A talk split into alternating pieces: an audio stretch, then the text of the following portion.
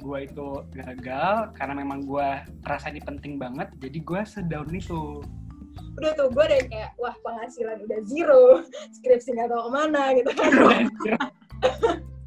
sekitar tiga bulan persiapan gitu akhirnya kita memutuskan untuk tidak melanjutkan.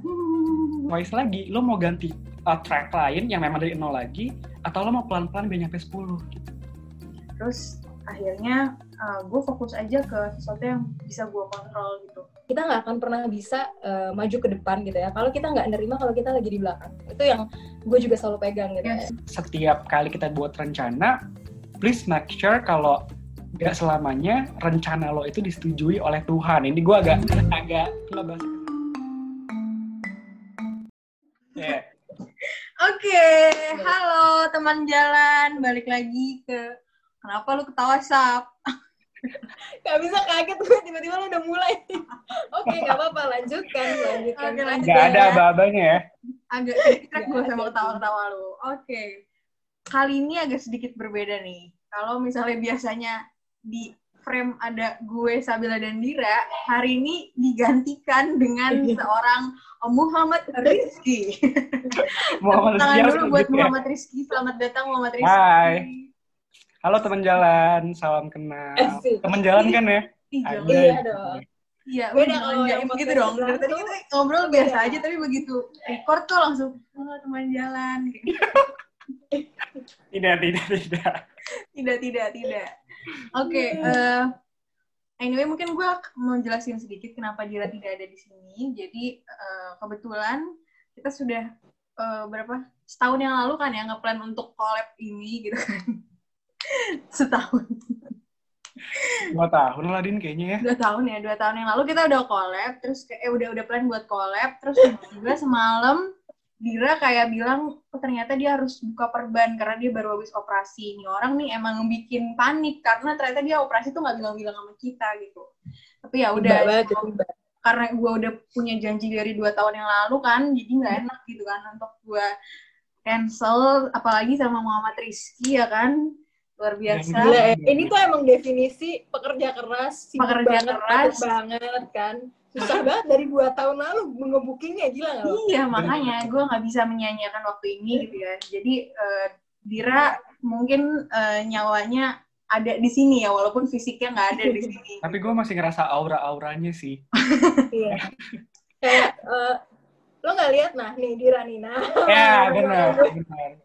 Ada kok sebenarnya Dira. Tapi get well soon dulu nggak sih? Iya, doain Dira ya teman-teman jalan. Get well soon. Nah terus. Gak apa-apa uh, mungkin di episode kali ini gue mau membuka dengan kalimat congratulations to Sabila because ya. Sabila baru saja. gue udah pakai bergo nih udah udah kayak nggak apa-apa lah Dwi Handal ya.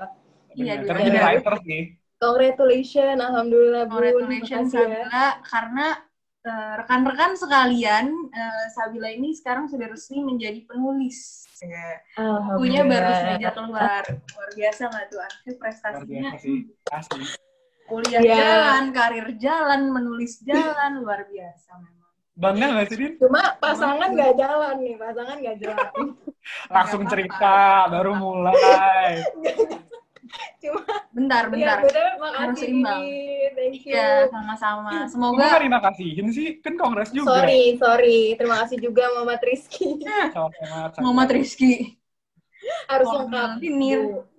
Iya, jadi uh, eh, gue gimana gimana? Jelasin dulu di bukunya nih. Iya, jadi uh, gue sebenarnya belum dijual di pasaran, tapi minggu depan insya Allah lagi ada mau launching hmm. uh, virtualnya. Yang gue nggak tahu ini episode akan airing kapan yang pasti kayak harusnya sih kalau udah airing ya mungkin uh, udah dijual ya bukunya ya.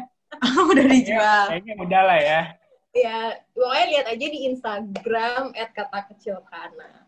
Gitu deh. Ya. Itu lebih lengkapnya ya. Ada di pusing ya. Sorry, ini nggak ngedit. Di sini ya. Apa-apa, apa-apa. Kita dapat royalti nanti. Boy. Oh, oh doain aja, doain gue sukses supaya gue bisa traktir lu pada. Amin. Amin. Udah. Okay. Itu sih.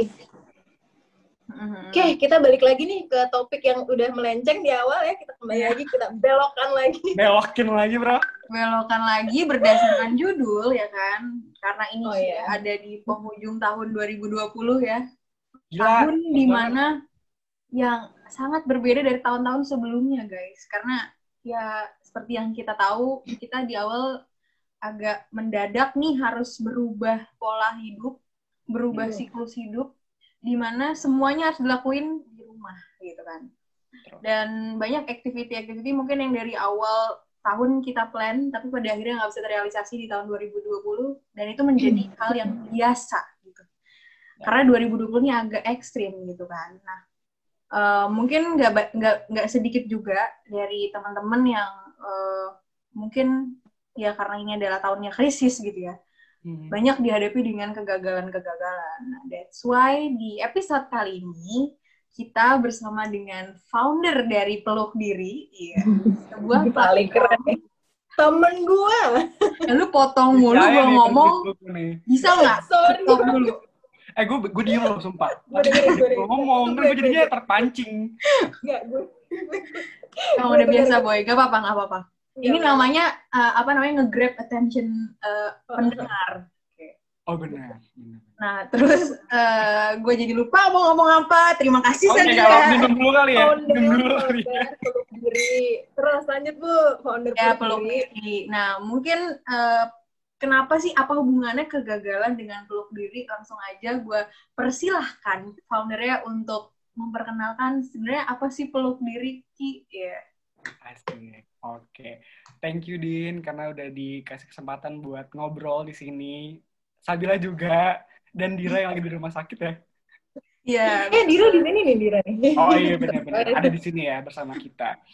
Jadi kalau misalkan tadi ngomongin si peluk diri itu, gue udah sempet cerita sama Sabila sebenarnya.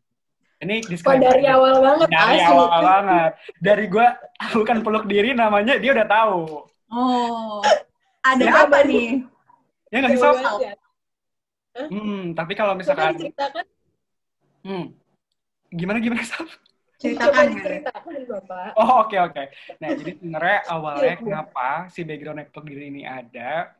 Karena sebenarnya dari situasi gue sendiri sih Din dan Sab gitu. Gue ngerasa dan gue memang sekaligus mengalami hal itu uh, bahwa banyak banget nih hal-hal di luar kendali kita sebagai si manusia ini sendiri gitu.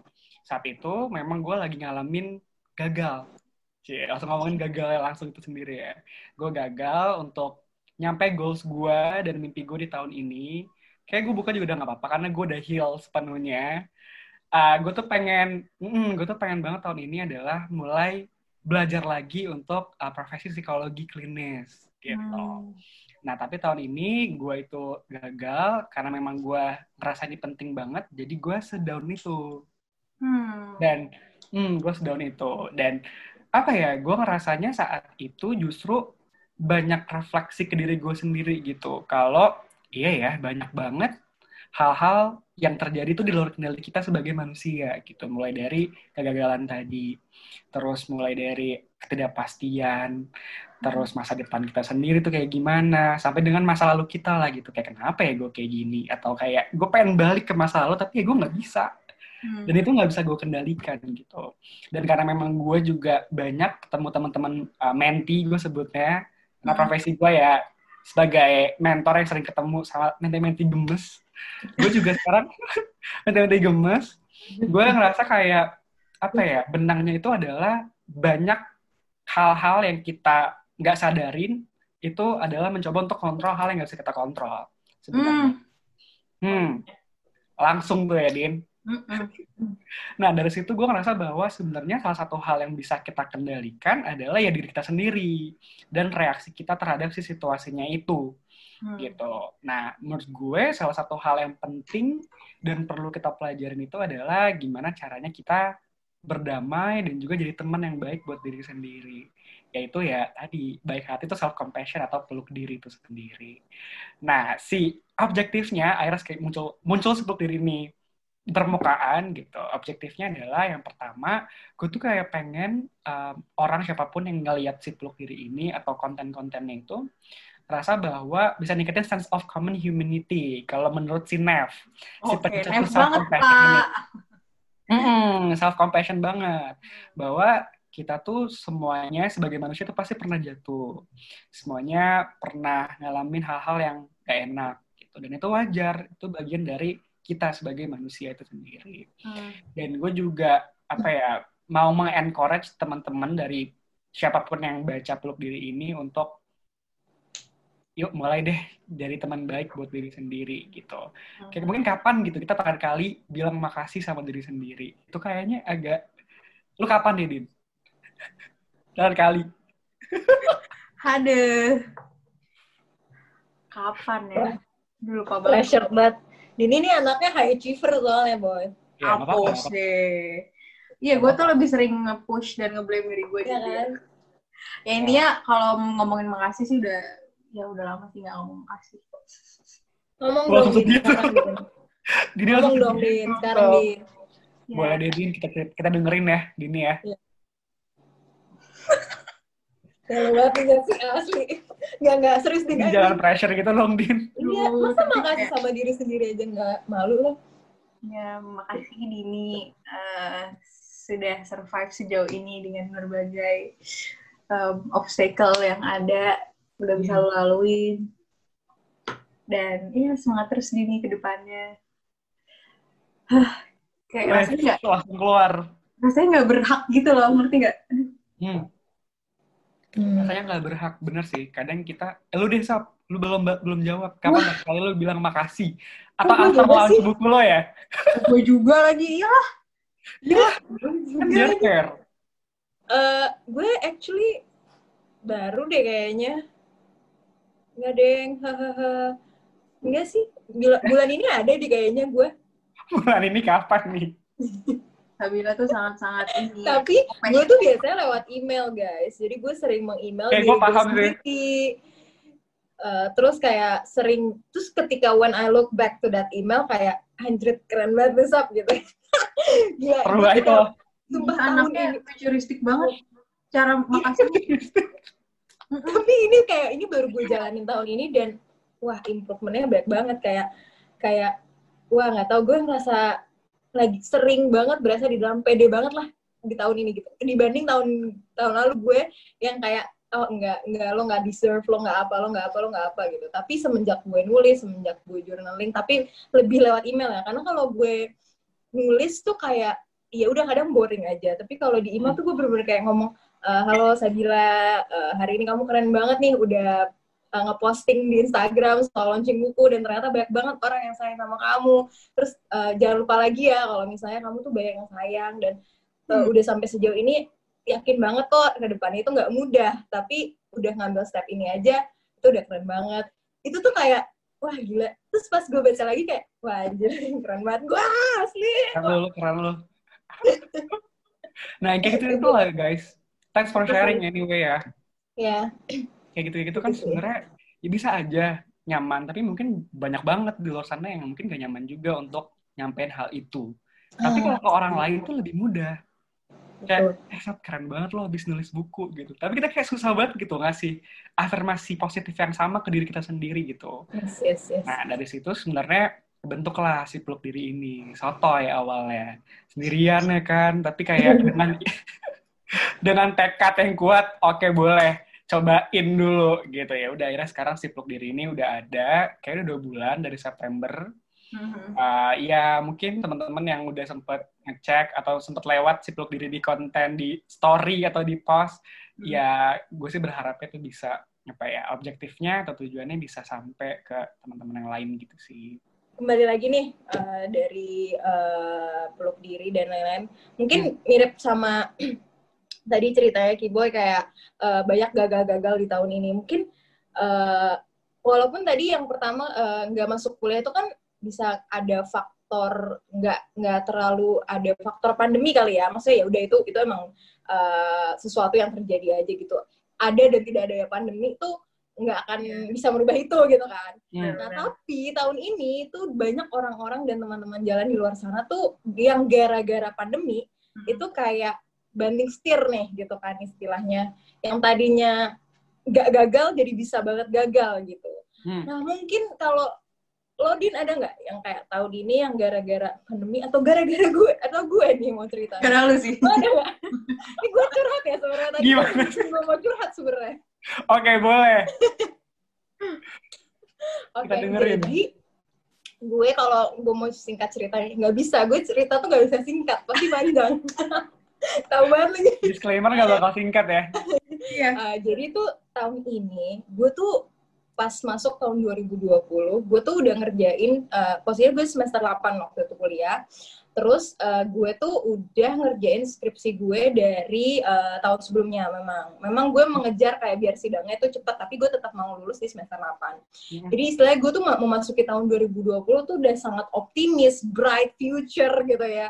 Waktu itu gue yang kayak, uh, ya itu wah skripsi udah tinggal bentar lagi nih sidang. Maksudnya eh, nggak ada lah beban-beban gitu. Terus yang kedua eh, gue dia tawarin magang di kemahasiswaan fakultas yang Hmm. wah bisa. Jadi sambil gue kuliah eh, maksudnya eh, gue tetap bisa dapet uang gitu kan. Jadi gue merasa gue bisa sambil mulai nabung untuk my career plan dan segala macamnya terus habis itu gue waktu itu di masa-masa itu tuh kayak ada satu sekolah yang lagi buka eh, gede-gedean gitulah eh, nyari guru. Uh, hiring. Nah, gue apply di situ dan kenapa gue entah kenapa lagi sangat confidence banget tuh untuk yang kayak wah aman nih masa depan gue. Gue udah mau lulus, skripsi gue aman, gue sambil nunggu gue ada Keren banget lo bisa bisa merasa aman. Namanya juga manusia ya kan. bener bener bener Terus bener. udah kayak gitu, kayaknya gue pede nih gue akan keterima. Jadi nanti pas gue lulus, ya. gue langsung ada kerja gitu kan. Hmm. Wah gila, confidence mampus nih anaknya gila. Parah Sama parah. apa sih fresh graduate gitu ya. Tapi Alan ada confidence ya. terus tahu-taunya enot-enot pandemi gitu Maret wah yang tadinya gue yang tadinya gue mau sidang sidang gue mundur wah gila gue langsung kayak aduh jadi sidang kan nih gue tahun ini gitu kan Hmm. sidang gue akhirnya nggak jelas gimana waktu itu terus magang gue diberhentikan dan Oh. apa namanya si sekolah ini yang tadinya itu Nggak, nggak nggak ini gue lagi nggak nggak reach out gue lagi gitu kayak gue di ghosting karena nah gue tuh confident itu Gak karena- dikabarin aja sih. ghosting tau gue udah high hopes gitu kan Iya iya. iya. soalnya udah kayak beberapa tahap gitu loh jadi waktu itu tahapnya kayak ada TPA gitu ada tes bahasa Inggris ada interview dan gue udah nyampe interview. Jadi kayak uh, setelah interview tuh udah gitu kan. Jadi gue agak ada confidence-nya di situ. Tiba-tiba buyar gue di ghosting. Udah tuh gue ada yang kayak wah penghasilan udah zero. Skripsi nggak tahu ke mana gitu. Kan tenan tenan banget lah di otak gue gitu. tapi kayak ya udah gue pede aja gitu kan. Nah terus ya udah tuh ternyata dari ketiga itu nggak ada yang kesampaian gitu ya Wah, ya udah terus di rumah ya, overthink lah lo tidur kan malam-malam liatin langit-langit gitu kan kenapa hidup gue gini ya Cerita lama gak sih? Sekarang udah bisa ngetawain Sekarang udah diri bisa lu ya. diketawain sekarang udah bisa diketawain Iya benar. Alhamdulillah. Iya, alhamdulillah udah bisa diketawain. Ya udah, terus kayak itu sih eh, cerita kegagalan gue ya di tahun ini gara-gara si oknum pandemi ini emang bener-bener ya gitu ya kita tidak ingin mengeluarkan kata kasar. gitu ceritanya kegagalan gue di tahun ini. Kalau lo Din gimana Din? Eh, gue sebenarnya di tahun ini mungkin agak sedikit sama nih sama Keyboy gitu kan. Kalau eh, Keyboy eh, pengen melanjutkan S2-nya gitu kan. Maksudnya itu adalah big plan gitu. Nah, gue juga punya big plan gitu di tahun ini tuh. Gue tadinya pengen ikut eh, seleksi, pengen ikut Indonesia mengajar gitu. ICIM ya. Terus habis itu eh, setelah gua ikut Indonesia mengajar udah lolos tahap berkas, terus video, terus habis itu terakhir tuh apa namanya direct assess- assess- eh, dah, direct assessment gitu. Dan ternyata dikabarkan lah gue tidak lulus gitu kan. Nah terus akhirnya dari situ eh gue mencoba untuk kayak ya pertamanya awalnya bingung sih karena kan eh, di awal tuh gue emang udah ngeplan gitu kan bahwa di tahun ini tuh eh, gue pengen Indonesia mengajar karena dan akhirnya gue nggak nggak nggak nggak nggak mem- nggak mempersiapkan diri gue untuk S2 gitu karena uh, S2 di mindset gue adalah di tahun 2022 atau di 2032 gitu. Terus eh 2032 kan apa tua amat 2023. Oh, 2023, sorry 2023. Gue kira emang lu pengen sambil ngurus anak gitu loh di resume Masalahnya pengen nanya tapi kayak gue positive thinking. Oke, gak apa-apa. Oke, terlalu positif anaknya. Ya, lagi. Uh, jadi gue tuh agak bingung gitu udah di satu sisi gue nggak kayak hmm nggak lulus eh nggak nggak prepare untuk S2 terus habis itu gue juga uh, harus dihadapi dengan kegagalan gitu kan. Ya udah nah tapi uh, good newsnya waktu itu di saat gue sudah uh, ya udah pasti nih gue nggak akan ke mana-mana gitu kan. Kalau di Indonesia mengajar kan gue akan ke pelosok gitu kan. Akan hmm. tinggal jauh dari orang tua terus habis itu tidak mendapatkan penghasilan yang bisa ditabung gitu. Misalnya penghasilannya ya udah penghasilan pas-pasan gitu. Hmm. nah uh, akhirnya gue ngeplan lah untuk menikah gitu kan waduh dan ternyata sama gagal juga bos jadi uh, singkat cerita waktu itu sudah ada satu laki-laki yang datang ke orang tua gue untuk uh, aduh agak berat ya bahasanya. Gak apa-apa, ini justru yang paling gue tunggu-tunggu din sebenarnya di episode ini. iya, jadi udah datang ke orang tua gue bahwa dia punya niat baik, serius, gitu kan, ingin menikah. Ya udah, gue sebagai uh, orang yang cukup aware dengan persiapan pranikah gitu ya, ya gue ikut kelas pranikah, gue ikut kajian-kajian tentang menikah, terus habis itu gue juga uh, udah set apa namanya anggaran, you know, anggaran, uh, survei gedung, survei uh, apa namanya, ya pokoknya survei venue lah. Gue kan gue sebenarnya apa lah ya, preparationnya udah lumayan disiapin lah. Uh, sebenarnya ya gue sedikit lebih cepat kayaknya ya dibandingkan orang-orang pada umumnya karena uh, di situ gue aware kalau ini kan lagi pandemi nih, jadi kayak mumpung ya kan, mumpung lagi pandemi gitu kan kayak bisa dikat nih dana. Semua kayak diskon gitu kan, banyak diskon gitu kan. Ya udah akhirnya gue uh, coba lebih cepat aja bergerak lebih cepat gitu kan. Terus ternyata uh, setelah ya, sekitar tiga bulan persiapan gitu, akhirnya kita memutuskan untuk tidak melanjutkan gitu. Terus ya udah akhirnya dari situ uh, eh, gue ya awal-awal sedih lah karena uh, apa yang sudah lo percaya gitu misalnya sosok yang sudah lo percaya gitu terus sudah gitu akhirnya tidak bisa melanjutkan gitu kan. Terus akhirnya uh, ya gue sempat banyak ngeblame diri gue sih karena sebenarnya uh, di akhir relationship gue tuh emang agak kurang enak gitu sih. Dan akhirnya hmm. gue banyak melakukan melakukan self blaming gitu. Dan pada saat yang bersamaan uh, gue juga di karir tuh lagi transisi gitu. Jadi uh, ada banyak kesalahan-kesalahan kecil. Uh, bukan kesalahan lebih tepatnya kegagalan-kegagalan kecil yang sifatnya kayak continue dan sering gitu. Jadi kayak di satu sisi gue punya kegagalan besar yaitu kegagalan menikah yang akhirnya memandang diri yang akhirnya membuat gue memandang diri gue lebih negatif gitu ya. Di sisi lain gue juga dilingkupi dengan kegagalan-kegagalan kecil di tempat kerja gitu. Dan akhirnya itu numpuk semuanya tuh jadi negatif self image aja sih intinya pada saat di, di tahun di pertengahan menuju akhir tahun 2020 ini tuh ya banyak negatif self eh, self image yang gue persif ke diri gue gitu sih lebih kayak mempertanyakan banyak hal ke diri lo gitu ya Dina Benar, benar, benar. It's hard lah untuk uh, bisa akhirnya lo berani untuk cerita itu di sini karena itu lo uh, bukannya yang nggak tiba-tiba gitu ya kayak maksudnya udah persiapan nih tiga bulan lo udah punya expectation dan segala macam terus tiba-tiba nggak jadi kan bukan hmm. sesuatu yang ya dibandingkan gue tadi kan tenonenot tenonenot gitu kan. Tapi ini ini pelajaran sih. Maksudnya kayak masalah dan kegagalan itu sangat amat subjektif ya teman-teman. Maksudnya kayak hmm. sesuatu yang uh, mungkin buat Dini kelihatan penting gitu kan uh, atau buat hmm. uh, Kiboy kelihatan penting. Buat gue mungkin gue bisa mempersepik itu. Enggak kayak kalau kejadian di gue enggak sepenting itu deh. Tapi padahal ya buat gue masalah yang lain dianggap remeh sama orang itu penting buat gue. Jadi kayak ya nggak bisa lah kita bandingin apple to apple masalah-masalah orang gitu sih sebenarnya. Ya. Kalau emang mersive itu kegagalan ya kegagalan gitu. Nggak harus Yes. kayak ini kayak kegagalannya kecil deh kalau dibanding yang lain enggak. Tetap Hmm. sedih, tetap gagal lu masing-masing.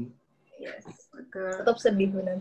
Hmm. Oke, mungkin tadi kita udah ngomongin soal kegagalan yang kita Mm-mm. ceritain kan, kegagalan yang kita alami di sepanjang 2020.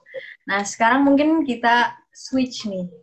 Gimana nih caranya kita tuh sebenarnya Oh, gimana ya? Kenapa? Kaget-kaget langsung gimana caranya? Gimana, gimana? Tadi kan what? Eh, why ya? Why atau what sih? Ya, tadi kan kita udah ngomongin. What and why kali ya? Sekarang why ya? Ah, nah, sekarang tuh lebih kayak how-nya. Oh, how ya? How-nya Oh, why-nya udah ya? Kira why-nya belum. how to deal with uh, failure gitu, how to embrace failure gitu sampai akhirnya lu uh, ada di mode ya survive gitu sekarang nih. Ada di mode bisa nyeritain ini, bisa Hmm. ngetawain ini, itu it's a long process. Ya sih? It's not a short process. Oke, silakan Muhammad Rizky. Oh, dari gua dulu ya. Iya oh, tentu. Oke. Untuk apa gunanya Anda menjadi gestar kalau Anda Oh, tidak iya. sharing yang Saya bagus? tidak merasa, saya tidak merasa gestar soalnya saya ngeblend aja. Ya nggak sih? Ngeblend. Oh, jangan-jangan seperempat jalan ntar Ini jadi kan skip nih seperempat jalan ya. Abis ini hiring ya. Langsung nawarin diri. Oh, waduh. Oke. Oke. How ya? How gimana caranya gue pribadi ya? Ini akan sangat personal. Maksudnya cara gue, cara lu berdua tuh pasti akan beda. Tapi kalau dari cara gue pribadi, gimana caranya gue sekarang bisa menceritakan ini ke teman-teman jalan semua? Yang pertama adalah sebenarnya make yourself comfortable first. Kayak cari dulu hal yang ngebuat lo nyaman. Karena biasanya ya kita tuh langsung kayak jump into the conclusion gitu. Kayak bener-bener kalau gue gagal ya udah gue gagal, udah gue depressed. Emang gue harus harus depressed wajar dan lain sebagainya gitu. Tapi sebenarnya yang pertama kali perlu dilakuin adalah bener-bener kayak buat diri lo senyaman dulu, senyaman mungkin dulu gitu. Kayak lagi nerima hal-hal atau news yang gak enak itu kan pasti responsnya beragam tuh. Kalau gue shock banget pasti. Jadi ada baiknya apa ya nyaman dulu, cari posisi yang nyaman dulu dan tarik napas dulu deh. Gitu. Hmm. Kalau gue pribadi nih tarik napasnya tuh ada bahkan tekniknya. Ini salah satu teknik yang gue baca di Wow. artikel dan ini sangat amat apa ya ngefek banget ke gue. Bahkan sekarang jadi kayak mantra gitu.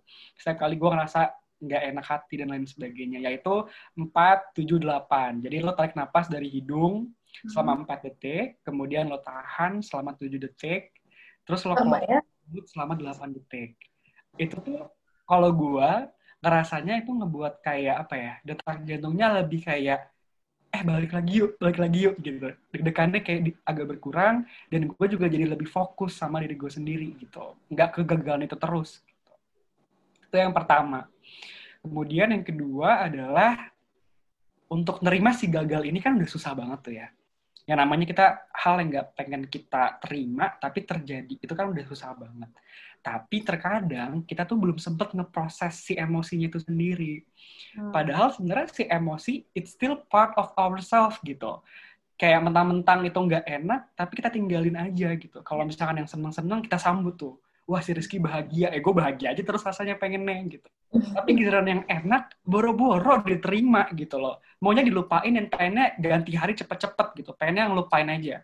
Kalau di psikologi mungkin maunya di-repress aja gitu. Di- dibuang aja gitu dari uh, pikiran kita. Nah padahal sebenarnya sebelum akhirnya kita bisa sekarang mentertawakan kegagalan kita sendiri, ada baiknya kita juga nerima dulu deh bahwa si emosi ini emang gak enak, emang negatif, but still gitu, itu emosi tetap jadi bagian dari diri kita dan pengalaman kita. Gitu, kayak oke gue ngerasa kalau gue emang lagi gagal, gue ngerasa jadinya mempertanyakan diri gue, kayak Dini tadi, jadinya kayak self-blaming, terus jadi kayak kenapa ya dan lain sebagainya, dan itu pun gue rasain gitu tapi itu gue admit kalau emang gue lagi questioning diri gue sendiri gitu nah yang ketiga wah ada stepnya nih gue ada stepnya ya tapi Nggak nggak apa-apa. gitu sih Bagus, bagus. Hmm. yang ketiga itu biasanya kalau gue untuk bounce back adalah self talk sih Hmm. bener-bener kayak bertanya sama diri lo seakan-akan kayak lo lagi nanya temen lo yang lagi galau gitu Hmm. Kadang kalau saya lihat orang lagi galau, eh lo kenapa cuy gitu, lo mau mau cerita nggak gitu, siapa tahu gue bisa Hmm. and that kind of treatment itu gue lakuin ke diri gue sendiri through self talk tadi kayak kalau misalnya memang gue udah nyaman, gue udah tenang, gue tarik napas, gue udah admit emosinya apa, gue tanya tuh ke diri gue sendiri, kayak what's happen, Ki? Apa nih yang lagi lo rasain, gitu. Kalau emang lo saya gagal, gagalnya karena apa nih? Gitu. Terus apa sih yang ngebuat lo jadinya kayak susah banget nerima si emosi ini dan lain sebagainya. Sampai ke hal yang kayak kalau udah nyaman, lo mau ngelakuin apa? Hmm.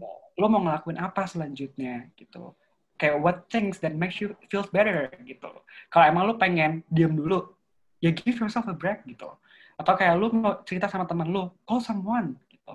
Kayak atau lu mau um, makan enak dulu gitu, order gitu, food apa yang ngebuat lu lebih comfort gitu misalkan. Nah itu biasanya yang gue lakuin ke dalam diri gue.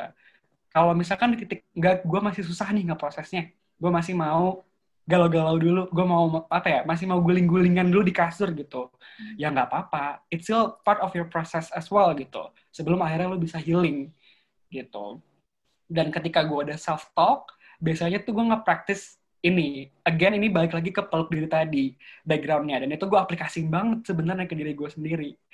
Yaitu self compassion tadi. Gue kayak setelah gue gagal bisa kan gue kayak kayaknya emang gue gak cocok nih di bagian ini gitu. Kayak ya Ki kayaknya gue emang gak cocok deh. Kayak kemarin kayak gue gak pas jadi psikolog kali ya. Makanya gue nggak di nggak di nggak diterima atau apa. Jadi mempertanyakan terus gitu loh ke diri gue sendiri. Tapi gue jadi refleks lagi kalau sebenarnya si gagal ini mau sehebat apa pun lo gitu ya mau se berusaha apa pun itu persiapannya kalau bukan itu jalan lo ya jalan lo gitu. Dan semua orang tuh punya kegagalannya masing-masing dan di level yang yang berbeda gitu. Ya nggak sih? Jadi gue menumbuhkan lagi bahwa it's okay emang ini nggak enak tapi orang lain pun juga pasti pernah ngalamin hal ini gitu. Betul. Kalau emang udah enak gue langsung kayak tulis sesuatu karena gue orangnya nulis banget. Jadi gue terus nulis gitu sebenarnya apa yang terjadi sama diri gue kayak misalkan kayak what didn't well apa yang terjadi sama gue pas kemarin proses seleksi. Terus apa yang sebenarnya udah bagus dari diri gue, kemudian potential action itemsnya atau hal apa yang bisa gue lakuin supaya gue improve tuh apa sih kemudian hari gitu. Mungkin gue harus uh, apa ternyata time managementnya belajarnya lebih enak lagi. Pas interview mungkin gue lebih relax lagi di diri gue sendiri dan lain sebagainya gitu, gitu loh. Jadi prosesnya panjang, hmm. tapi tadi yang yang bisa gue lakuin adalah pelan-pelan yang tadi sih yang gue jelasin ke kalian gitu. Itu sih dari gue sendiri. Ya, selamat datang di mentoring gratis bersama Muhammad Rizky. Tapi keren banget sih, asli. Keren banget buat mentoring guys, sumpah. Tapi boleh gue tanggap Berubah jalan nih kita judulnya nih kali. Ya, uh, gue apa ya, gue wondering kalau itu kan bisa lo lakukan kalau misalnya apa ya, let's say uh, kadang eh maksudnya kan apa yang lo lakukan itu memfokuskan pada sesuatu yang bisa lo kontrol. Balik balik lagi kan kayak ya lo melakukan semua itu karena ya fokus sama hal, hal yang bisa lo kontrol yaitu reaksi lo dan diri lo dan segala macem. Hmm. tapi kayak ketika kita mempertanyakan itu gue tuh sering banget menemukan kayak kita tuh nggak tahu loh beda bedanya antara mengusahakan dengan memaksakan. Paham gak maksud gue? Jadi kan pasti ketika lo questioning itu Uh, kapan lo tahu kayak ini emang karena gue nggak try hard enough atau emang kayaknya ini nggak buat gue buat nggak buat gue. Paham gak maksud gue paham banget. That's actually a nice questions. Karena itu juga gue tanyakan ke dalam diri gue sendiri. Hmm. kayak misalkan ini gue gagal hmm. uh, salah satu pemicunya yang gue pikir adalah mungkin gue nggak cocok di field ini. Dan then gue tanya lagi. Kayak is that really true kayak beneran kayak gitu dan lain sebagainya nah ini cara gue ya gimana caranya gue hmm. memastikan bahwa I'm still on the right track uh, it's not only my time aja, and then I'm, I'm gonna try again in the next year gitu. Adalah yang hmm. pertama adalah balik lagi ke dalam diri lo sendiri. What is your value? Hmm. Kayak nilai apa yang lo pegang gitu. Nah saat itu yang gue pegang adalah, ya mungkin kalau gue berbagi gitu ya, value salah satu value yang gue pegang adalah to make other people successful gitu. Hmm. Ngebuat orang lain tuh lebih lebih bisa sukses gitu. sejahtera gitu, gitu ya sejahtera itu personal and professional lah gitu nah itu adalah hal yang memang selalu gue percaya yang mau gue lakuin dalam hidup gue gitu dan ini kalau nggak berhasil bukan berarti gue nggak bisa live my own value and then I'm trying to make atau change value gue gitu hmm. kayak gue still the same gue still orang yang mau itu tapi memang ini bukan saatnya aja gitu. Jadi gue men mencoba untuk live my own value gitu. Pertama. Hmm. Yang kedua adalah ini gue tanya lagi ke diri gue kayak Ki gitu kayak are you really apa ya willing untuk try again atau mau cari lagi nih another path gitu yang yang lain. Hmm. Nah itu gue tanyain. Nah saat itu yang gue yang gue jawab adalah iya gue willing. Kenapa gue willingnya juga gue tahu kenapa karena ya ini part of my own value. Terus gue ngerasa bahwa kayaknya agak berat kalau gue ngomonginnya calling gitu ya. Kayak agak-agak agak-agak berat kalau ngomonginnya itu. Tapi walaupun gue juga nggak tahu itu calling gue apa enggak, tapi kayak I can sense the voice of kayak keep trying, keep going, and keep walking gitu. Gue masih bisa denger itu dalam diri gue sendiri. Iya saat itu gue asli ini gue baru cerita sama sama teman jalan sih bahwa saat gue mikir itu gue beneran nangisnya tuh parah. Bukan nangis yang kayak pas gue gagal justru pas gue gagal tuh kayak gue justru nggak bisa nangis kayak cuman gitu kayak cuman shock aja terus gue tapi ketika ada kind of questions appear yang yang emang lu bener nih mau ke sini itu Mhm. bikin gue nangis. Karena finally gue kayak ngerasa gue masih bisa nge-sense and gue masih bisa kayak denger voice kalau ayo Ki, jalan lagi gitu. Kalau ini memang belum nyampe di pos lu yang lu tuju, tapi lu bergerak gitu. Lo lo evolve gitu, lu ber lu berkembang. Walaupun memang belum nyampe di finish, but then lo zero, mungkin sekarang ketiga, tapi belum nyampe 10. Hmm. Your choice lagi, lo mau ganti uh, track lain yang memang dari nol lagi, atau lo mau pelan-pelan biar nyampe 10 gitu. Nah, itu yang gue, aja gue merinding sih. Ini ya. Jujur gue juga, wo. Iya, gue gak merinding, tapi that's actually, apa ya, part yang gue lakuin, akhirnya gue bisa kayak gini dan bisa kayak, eh gue coba lagi nih, din, cap, gitu. Ya, kayak gitu sih, guys. Oh my god. Oh. That's nice. banget bos by the way sebenarnya kalau gue pribadi pas eh, Kalau dengerin, dengerin lo ngomong itu kayak ya that's apa yang gue lakuin pas gue lagi gagal cuma melalui fasilitasi dari psikolog Ya, itu nice juga loh. Iya. Jadi kalau gue pribadi eh, ketika gue gagal ya yang tadi gue bilang ya mungkin awalnya gue banyak ngelakuin self blaming gitu dan akhirnya banyak questioning tentang apa sih yang sebenarnya gue lakuin tuh gitu kan karena awalnya kan memang si Indonesia mengajar ini kan adalah satu salah satu step yang gue ambil untuk ya apa namanya goals besar lo gitu. karir gue gitu kan. Jadi ketika itu gagal gitu kan, ya plan B-nya apa nih gitu. Jujur kayak gue se, se gak ada clue itu gitu karena ya itu salah sa- apa namanya di saat itu ya gue eh, cukup yakin gitu bahwa gue bisa melalui semua assessment dan akhirnya gue bisa mengabdi gitu. Tapi ternyata enggak gitu kan. Dan dari situ akhirnya gue coba refleksiin lagi gitu kan. Oke eh, berarti salah satu milestone yang harusnya lo lalui ternyata nggak bisa lo lalui nih din gitu kan. Hmm. terus nextnya apa gitu kan. Dan mungkin prosesnya lumayan panjang ya ketika gue akhirnya sadar bahwa kayaknya harus mempertanyakan kelanjutan karir gue apakah path-nya tetap sama atau jangan-jangan itu bukan your path gitu. Terus akhirnya udah akhirnya gue mempertanyakan itu terus gue em, eh, sampai pada satu kesimpulan bahwa oke emang sebenarnya mungkin eh, mimpi gue tetap gitu. Mimpi gue stay. Mimpi gue adalah untuk membuat em, education quality di Indonesia ya jauh lebih bagus gitu kan dari hari ini gitu kan. Tapi caranya ya nggak melalui itu gitu loh nggak melalui early education gitu. Gue selama ini dari kuliah dari uh, U-shape gitu ya gue waktu di psikologi gue ikut satu komunitas training U-shape gitu kan. Yes. gue sangat-sangat uh, passionate di saat gue ngajar adult gitu. Dan toh ketika lo mau contribute ke education ya lo bisa aja gitu touch-nya tuh bukan ke siswanya gitu tapi ke guru-gurunya gitu. Yang mana sebenarnya mereka tuh lebih superior loh di institu- institusi-institusi pendidikan gitu. Karena itu penting banget loh, signifikan. Ah, dan akhirnya malah kebuka gitu. Oh ya mungkin secara personal gue memang kurang cocok ya karena ternyata eh, sebelumnya gue juga ada uh, apa aktif di volunteering gitu. Kan gue daftar beberapa uh, jenjang gitu ya. Gue jenjang hmm. ngajarnya tuh daftar jenjang SD sama jenjang SMA dan ternyata yang diterima adalah jenjang SMA gitu kan.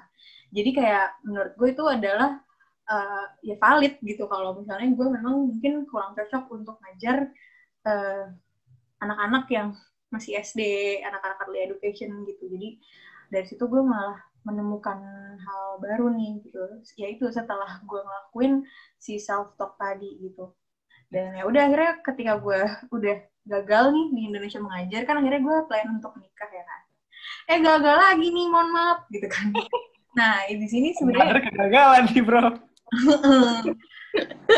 Urusan tadi kan urusan karir gitu kan. Urusan karir hmm. udah udah ada enlightenment gitu kan. Bahwa oke okay, gue fokusnya ke adult education gitu kan. Terus ternyata uh, journey selanjutnya adalah ketika gue mau memasuki dunia pernikahan, uh, eh, gue dihadapi dengan kegagalan gitu kan. Terus uh, ya awalnya gue ngelakuin itu self blaming karena ya pada dasarnya saat itu gue benar-benar banyak banget dihadapi dengan kegagalan-kegagalan lainnya yang memang mungkin sifatnya lebih kecil, cuma uh, sering gitu, sering gue alami gitu. Dan akhirnya ya gue coba uh, mungkin untuk urusan untuk urusan pernikahan dulu kali ya. Jadi kayak kalau untuk urusan pernikahan gue kembali ngaca gitu sih.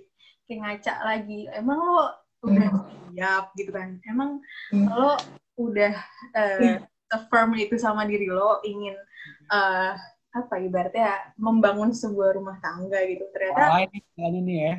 Uh, setelah gue apa namanya setelah gue refleksikan lagi mungkin di saat itu level gue tuh bukan siap menikah tapi ingin menikah gitu ya. Hmm. Oke. Okay. That's the different thing actually. Jadi kayak gue pada saat itu ya karena ada satu sosok yang menyeriusi gue gitu kan.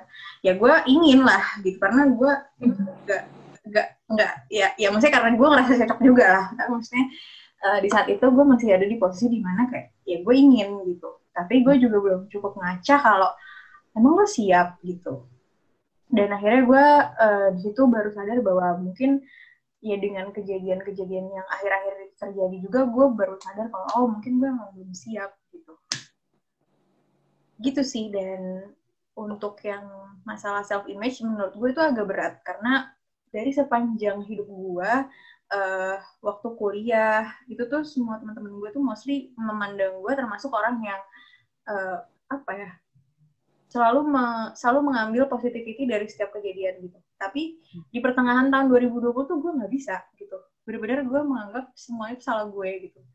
Semuanya karena gue gitu. Dan gue ngeliat ini udah nggak baik banget gitu karena toksik banget coy kayak gitu tuh. Jadi apa-apa tuh nyalahin diri, apa-apa tuh yeah. Iya. uh, apa namanya ya nggak fokus ke solusi tapi lebih kayak apa ya pengen lari dari masalah gitu bawaannya dan akhirnya gue sadar kayaknya ini ini bukan gue gitu karena gue dulu yang yang dulu tuh gue nggak kayak gini dan akhirnya gue memutuskan untuk datang ke profesional.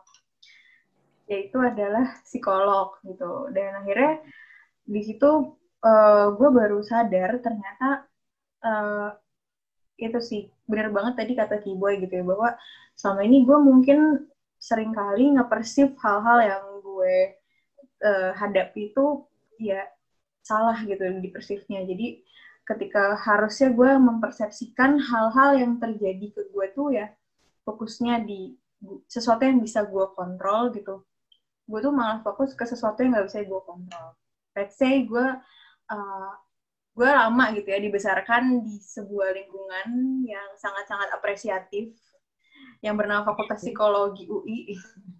Oh, gue, ya? Iya kan, lingkungannya sangat-sangat utopia. Kondusif banget. Empat tahun gue di Kenapa? Aman dan nyaman gue tuh kelas kau. Iya kan, utopia banget. Jadi gimana? Seperti kita... rahim ibu.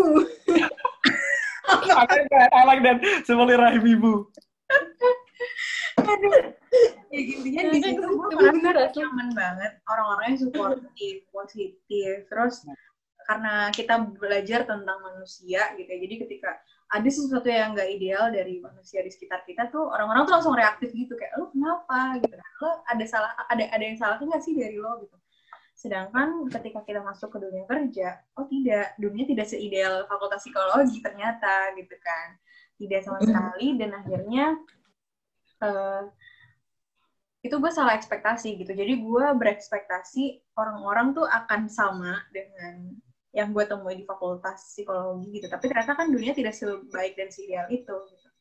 Jadi yang gue lakukan adalah ya pada saat itu gue menyadari bahwa ya gue salah ekspektasi harusnya gue lowering ekspektasi gue gitu kan terus akhirnya uh, gue fokus aja ke sesuatu yang bisa gue kontrol gitu uh, fokus ke hal-hal yang maksudnya di, dimaksud dengan fokus ke hal-hal yang bisa gue kontrol tuh kayak misalnya ya ketika kita uh, melakukan failure gitu melakukan kesalahan ya udah uh, gak usah bawa-bawa kayak faktor-faktor eksternal gitu. Tapi ya udah apa yang bisa lo lakuin uh, untuk memperbaiki atau membenahi kesalahan itu dan ya udah just do it gitu. Jangan kayak hmm, mencari-cari alasan lain yang sebenarnya yang nggak bisa lu kontrol gitu sih.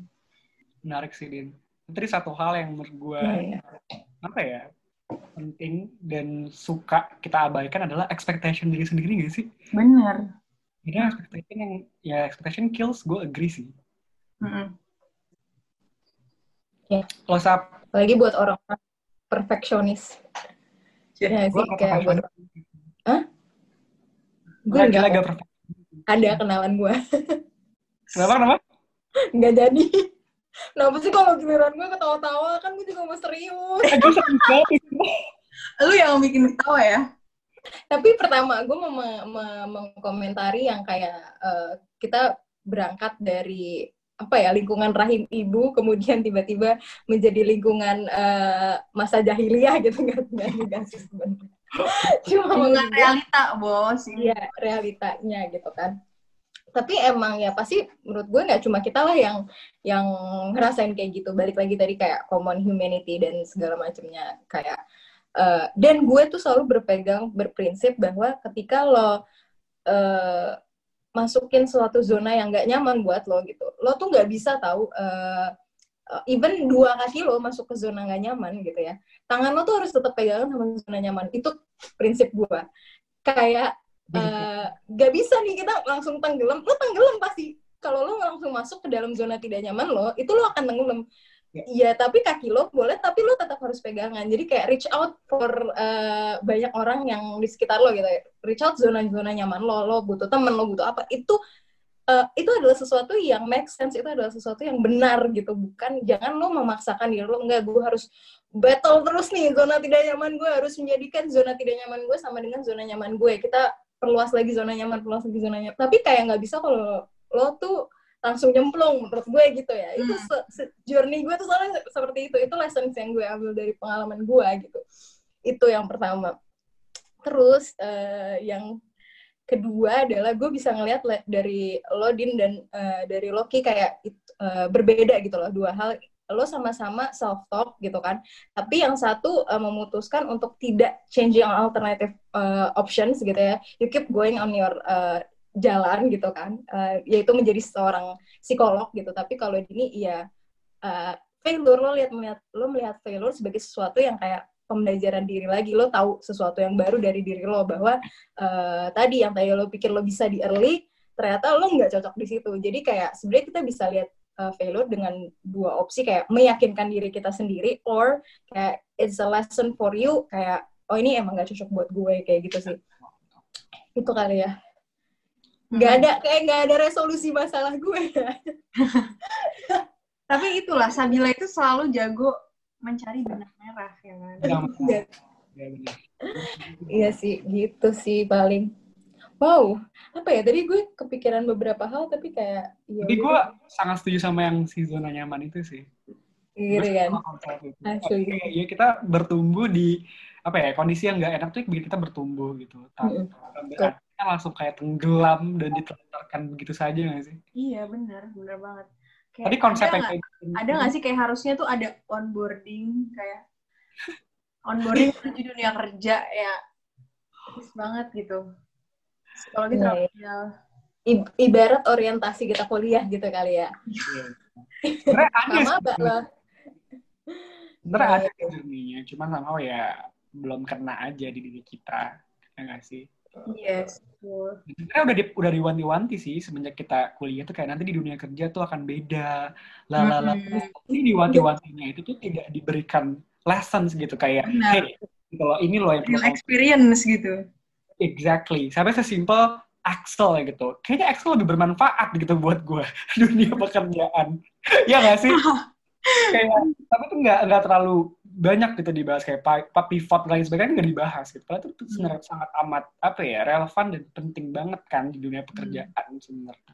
Cuman nggak ada yang memberikan hal itu. Cuman diwanti-wanti, cuman dikaget-kagetin tapi kayak nggak ada yang bertanggung jawab. Yes, yes, bener. Betul, ini sebenarnya satu hal lagi sih yang terkait pandemi yang menurut gue tuh perlu di-highlight juga adalah kayak eh, pandemi itu is a big a major event gitu ya. Maksudnya kayak lo nggak bisa, you don't see it coming. Dan ketika lo uh, changing your goal because of pandemic situation, I think it's very okay gitu loh.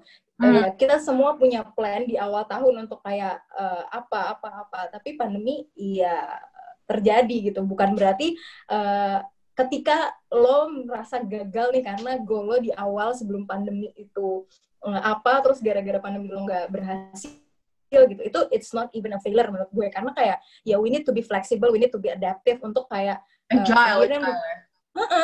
Ya, nggak apa-apa kali lagi. untuk mengganti goal kita yang ada before pandemic dan after pandemic gitu loh. Kayak ya mungkin yang tadinya lo goal sebelum pandemic adalah lo harus mencari cuan karena aku ingin menjadi orang kaya gitu kan. Terus setelah pandemic wah di PHK misalnya gitu kan. Kayak who knows? Dan mungkin uh, goals lo bisa berubah dari hal-hal sederhana kayak ya udah seenggaknya gue masih sehat secara mental dan fisik. Biasanya kayak gitu. Jadi kayak ya uh, when you're not getting there it's not a failure at all gitu karena you change your, your goal gitu loh jadi menurut gue Hmm. ya dan bukan berarti uh, lo meniadakan goal lo yang pertama tapi goal yang lebih kecil ini yang lebih sehat misalnya let's say sehat mental dan sehat fisik itu in order to get get the bigger goal yang tadi mungkin awal pandemic lo mau gitu dan Benar. that's okay gitu iya maksudnya I mean it's the whole world nggak sih kayak Hmm. seluruh dunia lo ngalamin pandemi not bukan lo doang bukan teman-teman lo doang bukan Jakarta doang tapi seluruh dunia jadi ketika kita bilang kayak eh, ya ini beneran ada perubahan dan perubahannya itu getting slower maksud gue kayak Iya, secara ekonomi, the whole economic system gitu kan itu kan berubah jadi krisis dan segala macam. Jadi nggak cuma krisis diri, krisis ekonomi dunia pun gitu maksud gue. Kayak ya udah and, and that's okay gitu. It's common humanity, so just apa gue nggak tahu. itu sih mungkin yang tambahan dari gue. Iya. Dan Wow, kita udah mencapai banyak solusi ya teman-teman dari pembicaraan ini. Jadi sebenarnya kalau uh, gue bisa lihat kayak kan judul kita mungkin lebih ke embracing failure gitu kan, Hmm. kayak uh, bagaimana kegagalan-kegagalan ini bisa kita embrace ya salah satunya adalah through self compassion dengan uh, lo sayang sama diri lo sendiri Uh, karena uh, menurut gue kayak we kayak kita nggak akan pernah bisa uh, maju ke depan gitu ya. Kalau kita nggak nerima kalau kita lagi di belakang. Itu yang gue juga selalu pegang gitu Yes. Uh, kalau lo nggak nerima lo di belakang gimana lo mau maju ke depan? Karena lo even nggak admit where your position right now gitu loh. Kayak ya udah lo nggak admit kalau lo di belakang nih jadi gimana lo mau maju ke depan? Karena ya udah gitu. Itu sih yang mungkin dan in order untuk admit ya you need that self compassion gitu lo harus aware lo harus nyadar dan kayak gitu kan diri Ya, sendiri gini lah. Kayak gini lah ya. gini aja pokoknya. Bener kan Boy, Sabila Gitu. selalu mengeluarkan quotes-quotes hmm, cakep gitu. Benar, gue mah setuju sama lu, Din. Udah kebaca. Oke, eh, berarti dari semua cerita yang udah kita share nih gitu kan dan proses kita bagaimana caranya kita deal with uh, our failure gitu ya. Sebenarnya apa sih yang bisa kita semua ambil nih dari kegagalan-kegagalan yang kita hadapi dan what's next gitu. Kita. Dari gue dulu kali ya. Hmm, Iya. boleh. Kalau misalnya dari gue, dari kegagalan yang gue rasain di tahun ini, lebih kayak apa sih yang gue tangkep atau konklusinya apa sih kegagalan gue di tahun 2020 ini. Yang pertama adalah gue percaya dan gue juga admit bahwa life sucks. Kayak kehidupan itu nggak enak. Banyak apa ya hal-hal yang di luar kendali kita tadi gitu. Mau lu gagal mau lu nggak yakin mau lu juga apa ya banyaklah hal-hal yang buat kita jadinya jatuh lagi jatuh lagi gitu. Tapi yang menarik adalah gue jadi semakin curious dan gue semakin penasaran untuk gimana caranya ngebuat diri gue itu tetap nyaman tapi juga tetap berkembang gitu belajar. Itu jadi fleksibel gimana caranya gue bisa fleksibel? Gue tahu nih banyak banget hal-hal di luar kontrol gue but then gitu apa yang bisa gue lakuin supaya gue bisa tetap nyaman sama situasinya and then keep going gitu. Itu yang gue tangkap dari kesimpulan gue di 2020 pertama. Terus yang kedua adalah ini gue agak agak klise tapi gue setuju sama ini bahwa hidup itu akan terus berjalan kayak lo mau berjalannya itu sambil apa ya terseok-seok lo mau jalannya itu berlari, lo mau jalannya itu santai aja, at the end of the day, perjalanan lo itu tuh yang lo lakuin adalah gimana caranya lo melakukan yang terbaik gitu. Kalau lo lari, gimana caranya lo tetap balance gitu, supaya lo larinya juga tetap stable. Kalau misalnya lo jalan aja gitu, ya gimana caranya lo tetap kayak mawas diri, tapi nggak ketinggalan sama yang lain. Hmm. Kalau misalkan lo terseok-seok, ya gimana caranya lo tetap gimana caranya nggak nggak luka sana sini nggak berantakan walaupun lo terseok-seok dan lain sebagainya. Dan kuncinya adalah kita sebagai human kita sebagai manusia apa ya job desknya adalah memang melakukan hal yang terbaik gitu. Memaksimalkan potensi apa yang kita punya despite of the obstacles dan challenges yang kita rasakan saat ini gitu. Jadi live the moment itu yang kedua. Dan yang ketiga kita semua itu punya rencana gitu. Gue, Dini, Sabila punya rencana dan menurut gue itulah yang membuat kita termotivasi dan juga jalan terus gitu di hidup kita. But then setiap kali kita buat rencana, please make sure kalau gak selamanya rencana lo itu disetujui oleh Tuhan. Ini gue agak hmm. agak nggak bahasa ke sana, tapi gue sangat amat percaya sama hal itu. Yep. Rencana yang lo buat itu ada approvalnya dulu gitu. Dan gak selamanya rencana yang lo buat, background dan objektifnya tepat buat diri lo dan buat hidup lo.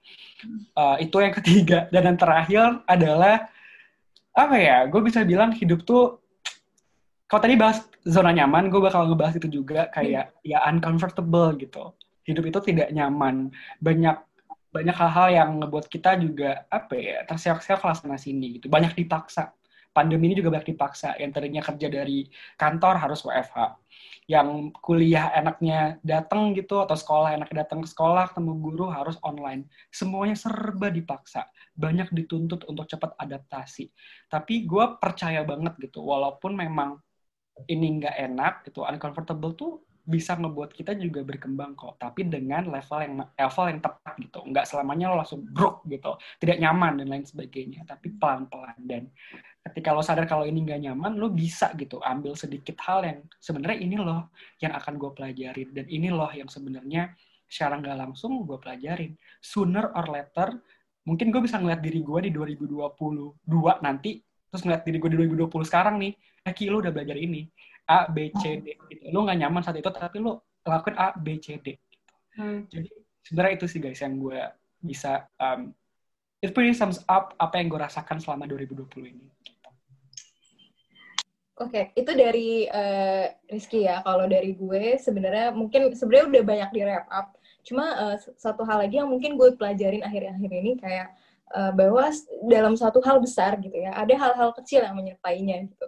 Jadi kayak ketika lo lo lo bilang lo gagal, itu it's not the big thing gitu. It's a small part. Dan ketika lo uh, gagal di yang kecil, it doesn't mean lo gagal yang di semuanya gitu. Jadi kayak dan memang kok setiap yang gede itu nggak cuma ada gagal berhasil gagal berhasil bukan yang gede terus berhasil semua gitu. Jadi kayak mungkin kita ngeliat hidup kayak partikel-partikel gitu kali ya. Ada ada bagian-bagian kecil di dalamnya gitu. Dan ketika ada yang buruk di bagian dalam partikelnya bukan berarti lo molekul yang gagal gitu kan. Si my point aneh banget. Tapi kayak itu sih yang bener, mungkin nggak tahu itu lagi gue uh, hikmati aja gitu loh. Karena uh, ya banyak uh, decision banyak yang terjadi itu uh, ya bukan selalu baik tapi membaikkan ya semuanya gue keluarin oh. ada orang ini kata-katanya emang Beda. tidak salah dia. Iya, penulis. Beda. Beda. Lo Din, lo Din. Eh, udah ya? Sampai. Udah, gue udah itu aja. Ya, oke. Kalau gue tadi ada beberapa poin yang memang sama. Tapi intinya kalau dari gue sebenarnya ya benar bahwa dunia ini tuh se uncertain itu gitu. And um, the most certain thing itu adalah ya uncertainty itu sendiri gitu. Jadi Filosofis dia. Enggak apa-apa. Bener asli. itu SAP. Ya, inget nggak lo? Jadi- But I like that, I like that. Jadi failure tuh adalah hal yang pasti gitu. Di mana pun lo pasti dihadapi sama kegagalan gitu. Ya. Dan satu hal yang paling bisa lo kontrol adalah diri lo sendiri gitu. Dan akhirnya gue menyadari bahwa dari kegagalan-kegagalan yang gue hadapi ya, ya udah ketika lo pengen survive dari kegagalan itu ya lo fokus dengan apa yang bisa lo lakuin gitu. Jangan make an excuse, an excuse yang kayak uh, menyalahkan lingkungan, menyalahkan keadaan gitu. Jadi ya udah fokus aja ke diri lo sendiri gitu. Kalau gue pribadi itu yang akhirnya gue lakukan gitu. Dan fokus tentunya ke ya udah goals goals yang mau uh, gue capai gitu. Kalau misalnya ada satu kegagalan yang sebenarnya itu adalah uh, hal yang mungkin align dengan goals gue gitu kan. Ya coba dilanjutkan gitu. Maksudnya coba di pursue lagi diulang gitu di kalau misalnya Keyboy tadi ya coba lagi di tahun depan gitu. tapi kalau misalnya itu mungkin uh, hal yang belum pasti align dengan goals gue ya gue pertanyakan dan ini gue harus uh, apa namanya harus berani mengambil keputusan bahwa apakah ini tuh per- perlu diteruskan atau bahkan harusnya dihentikan kayak gitu Benar. sih Bahkan self reflection kayak gitu bakal gue coba lagi sih di tahun depan. Bakal lepas gitu aja kayak gue udah yakin tapi tahun depan gak bakal ada appear gitu pertanyaan itu gak mungkin sih. Gue bakal tanya. Iya, lagi. iya, iya benar.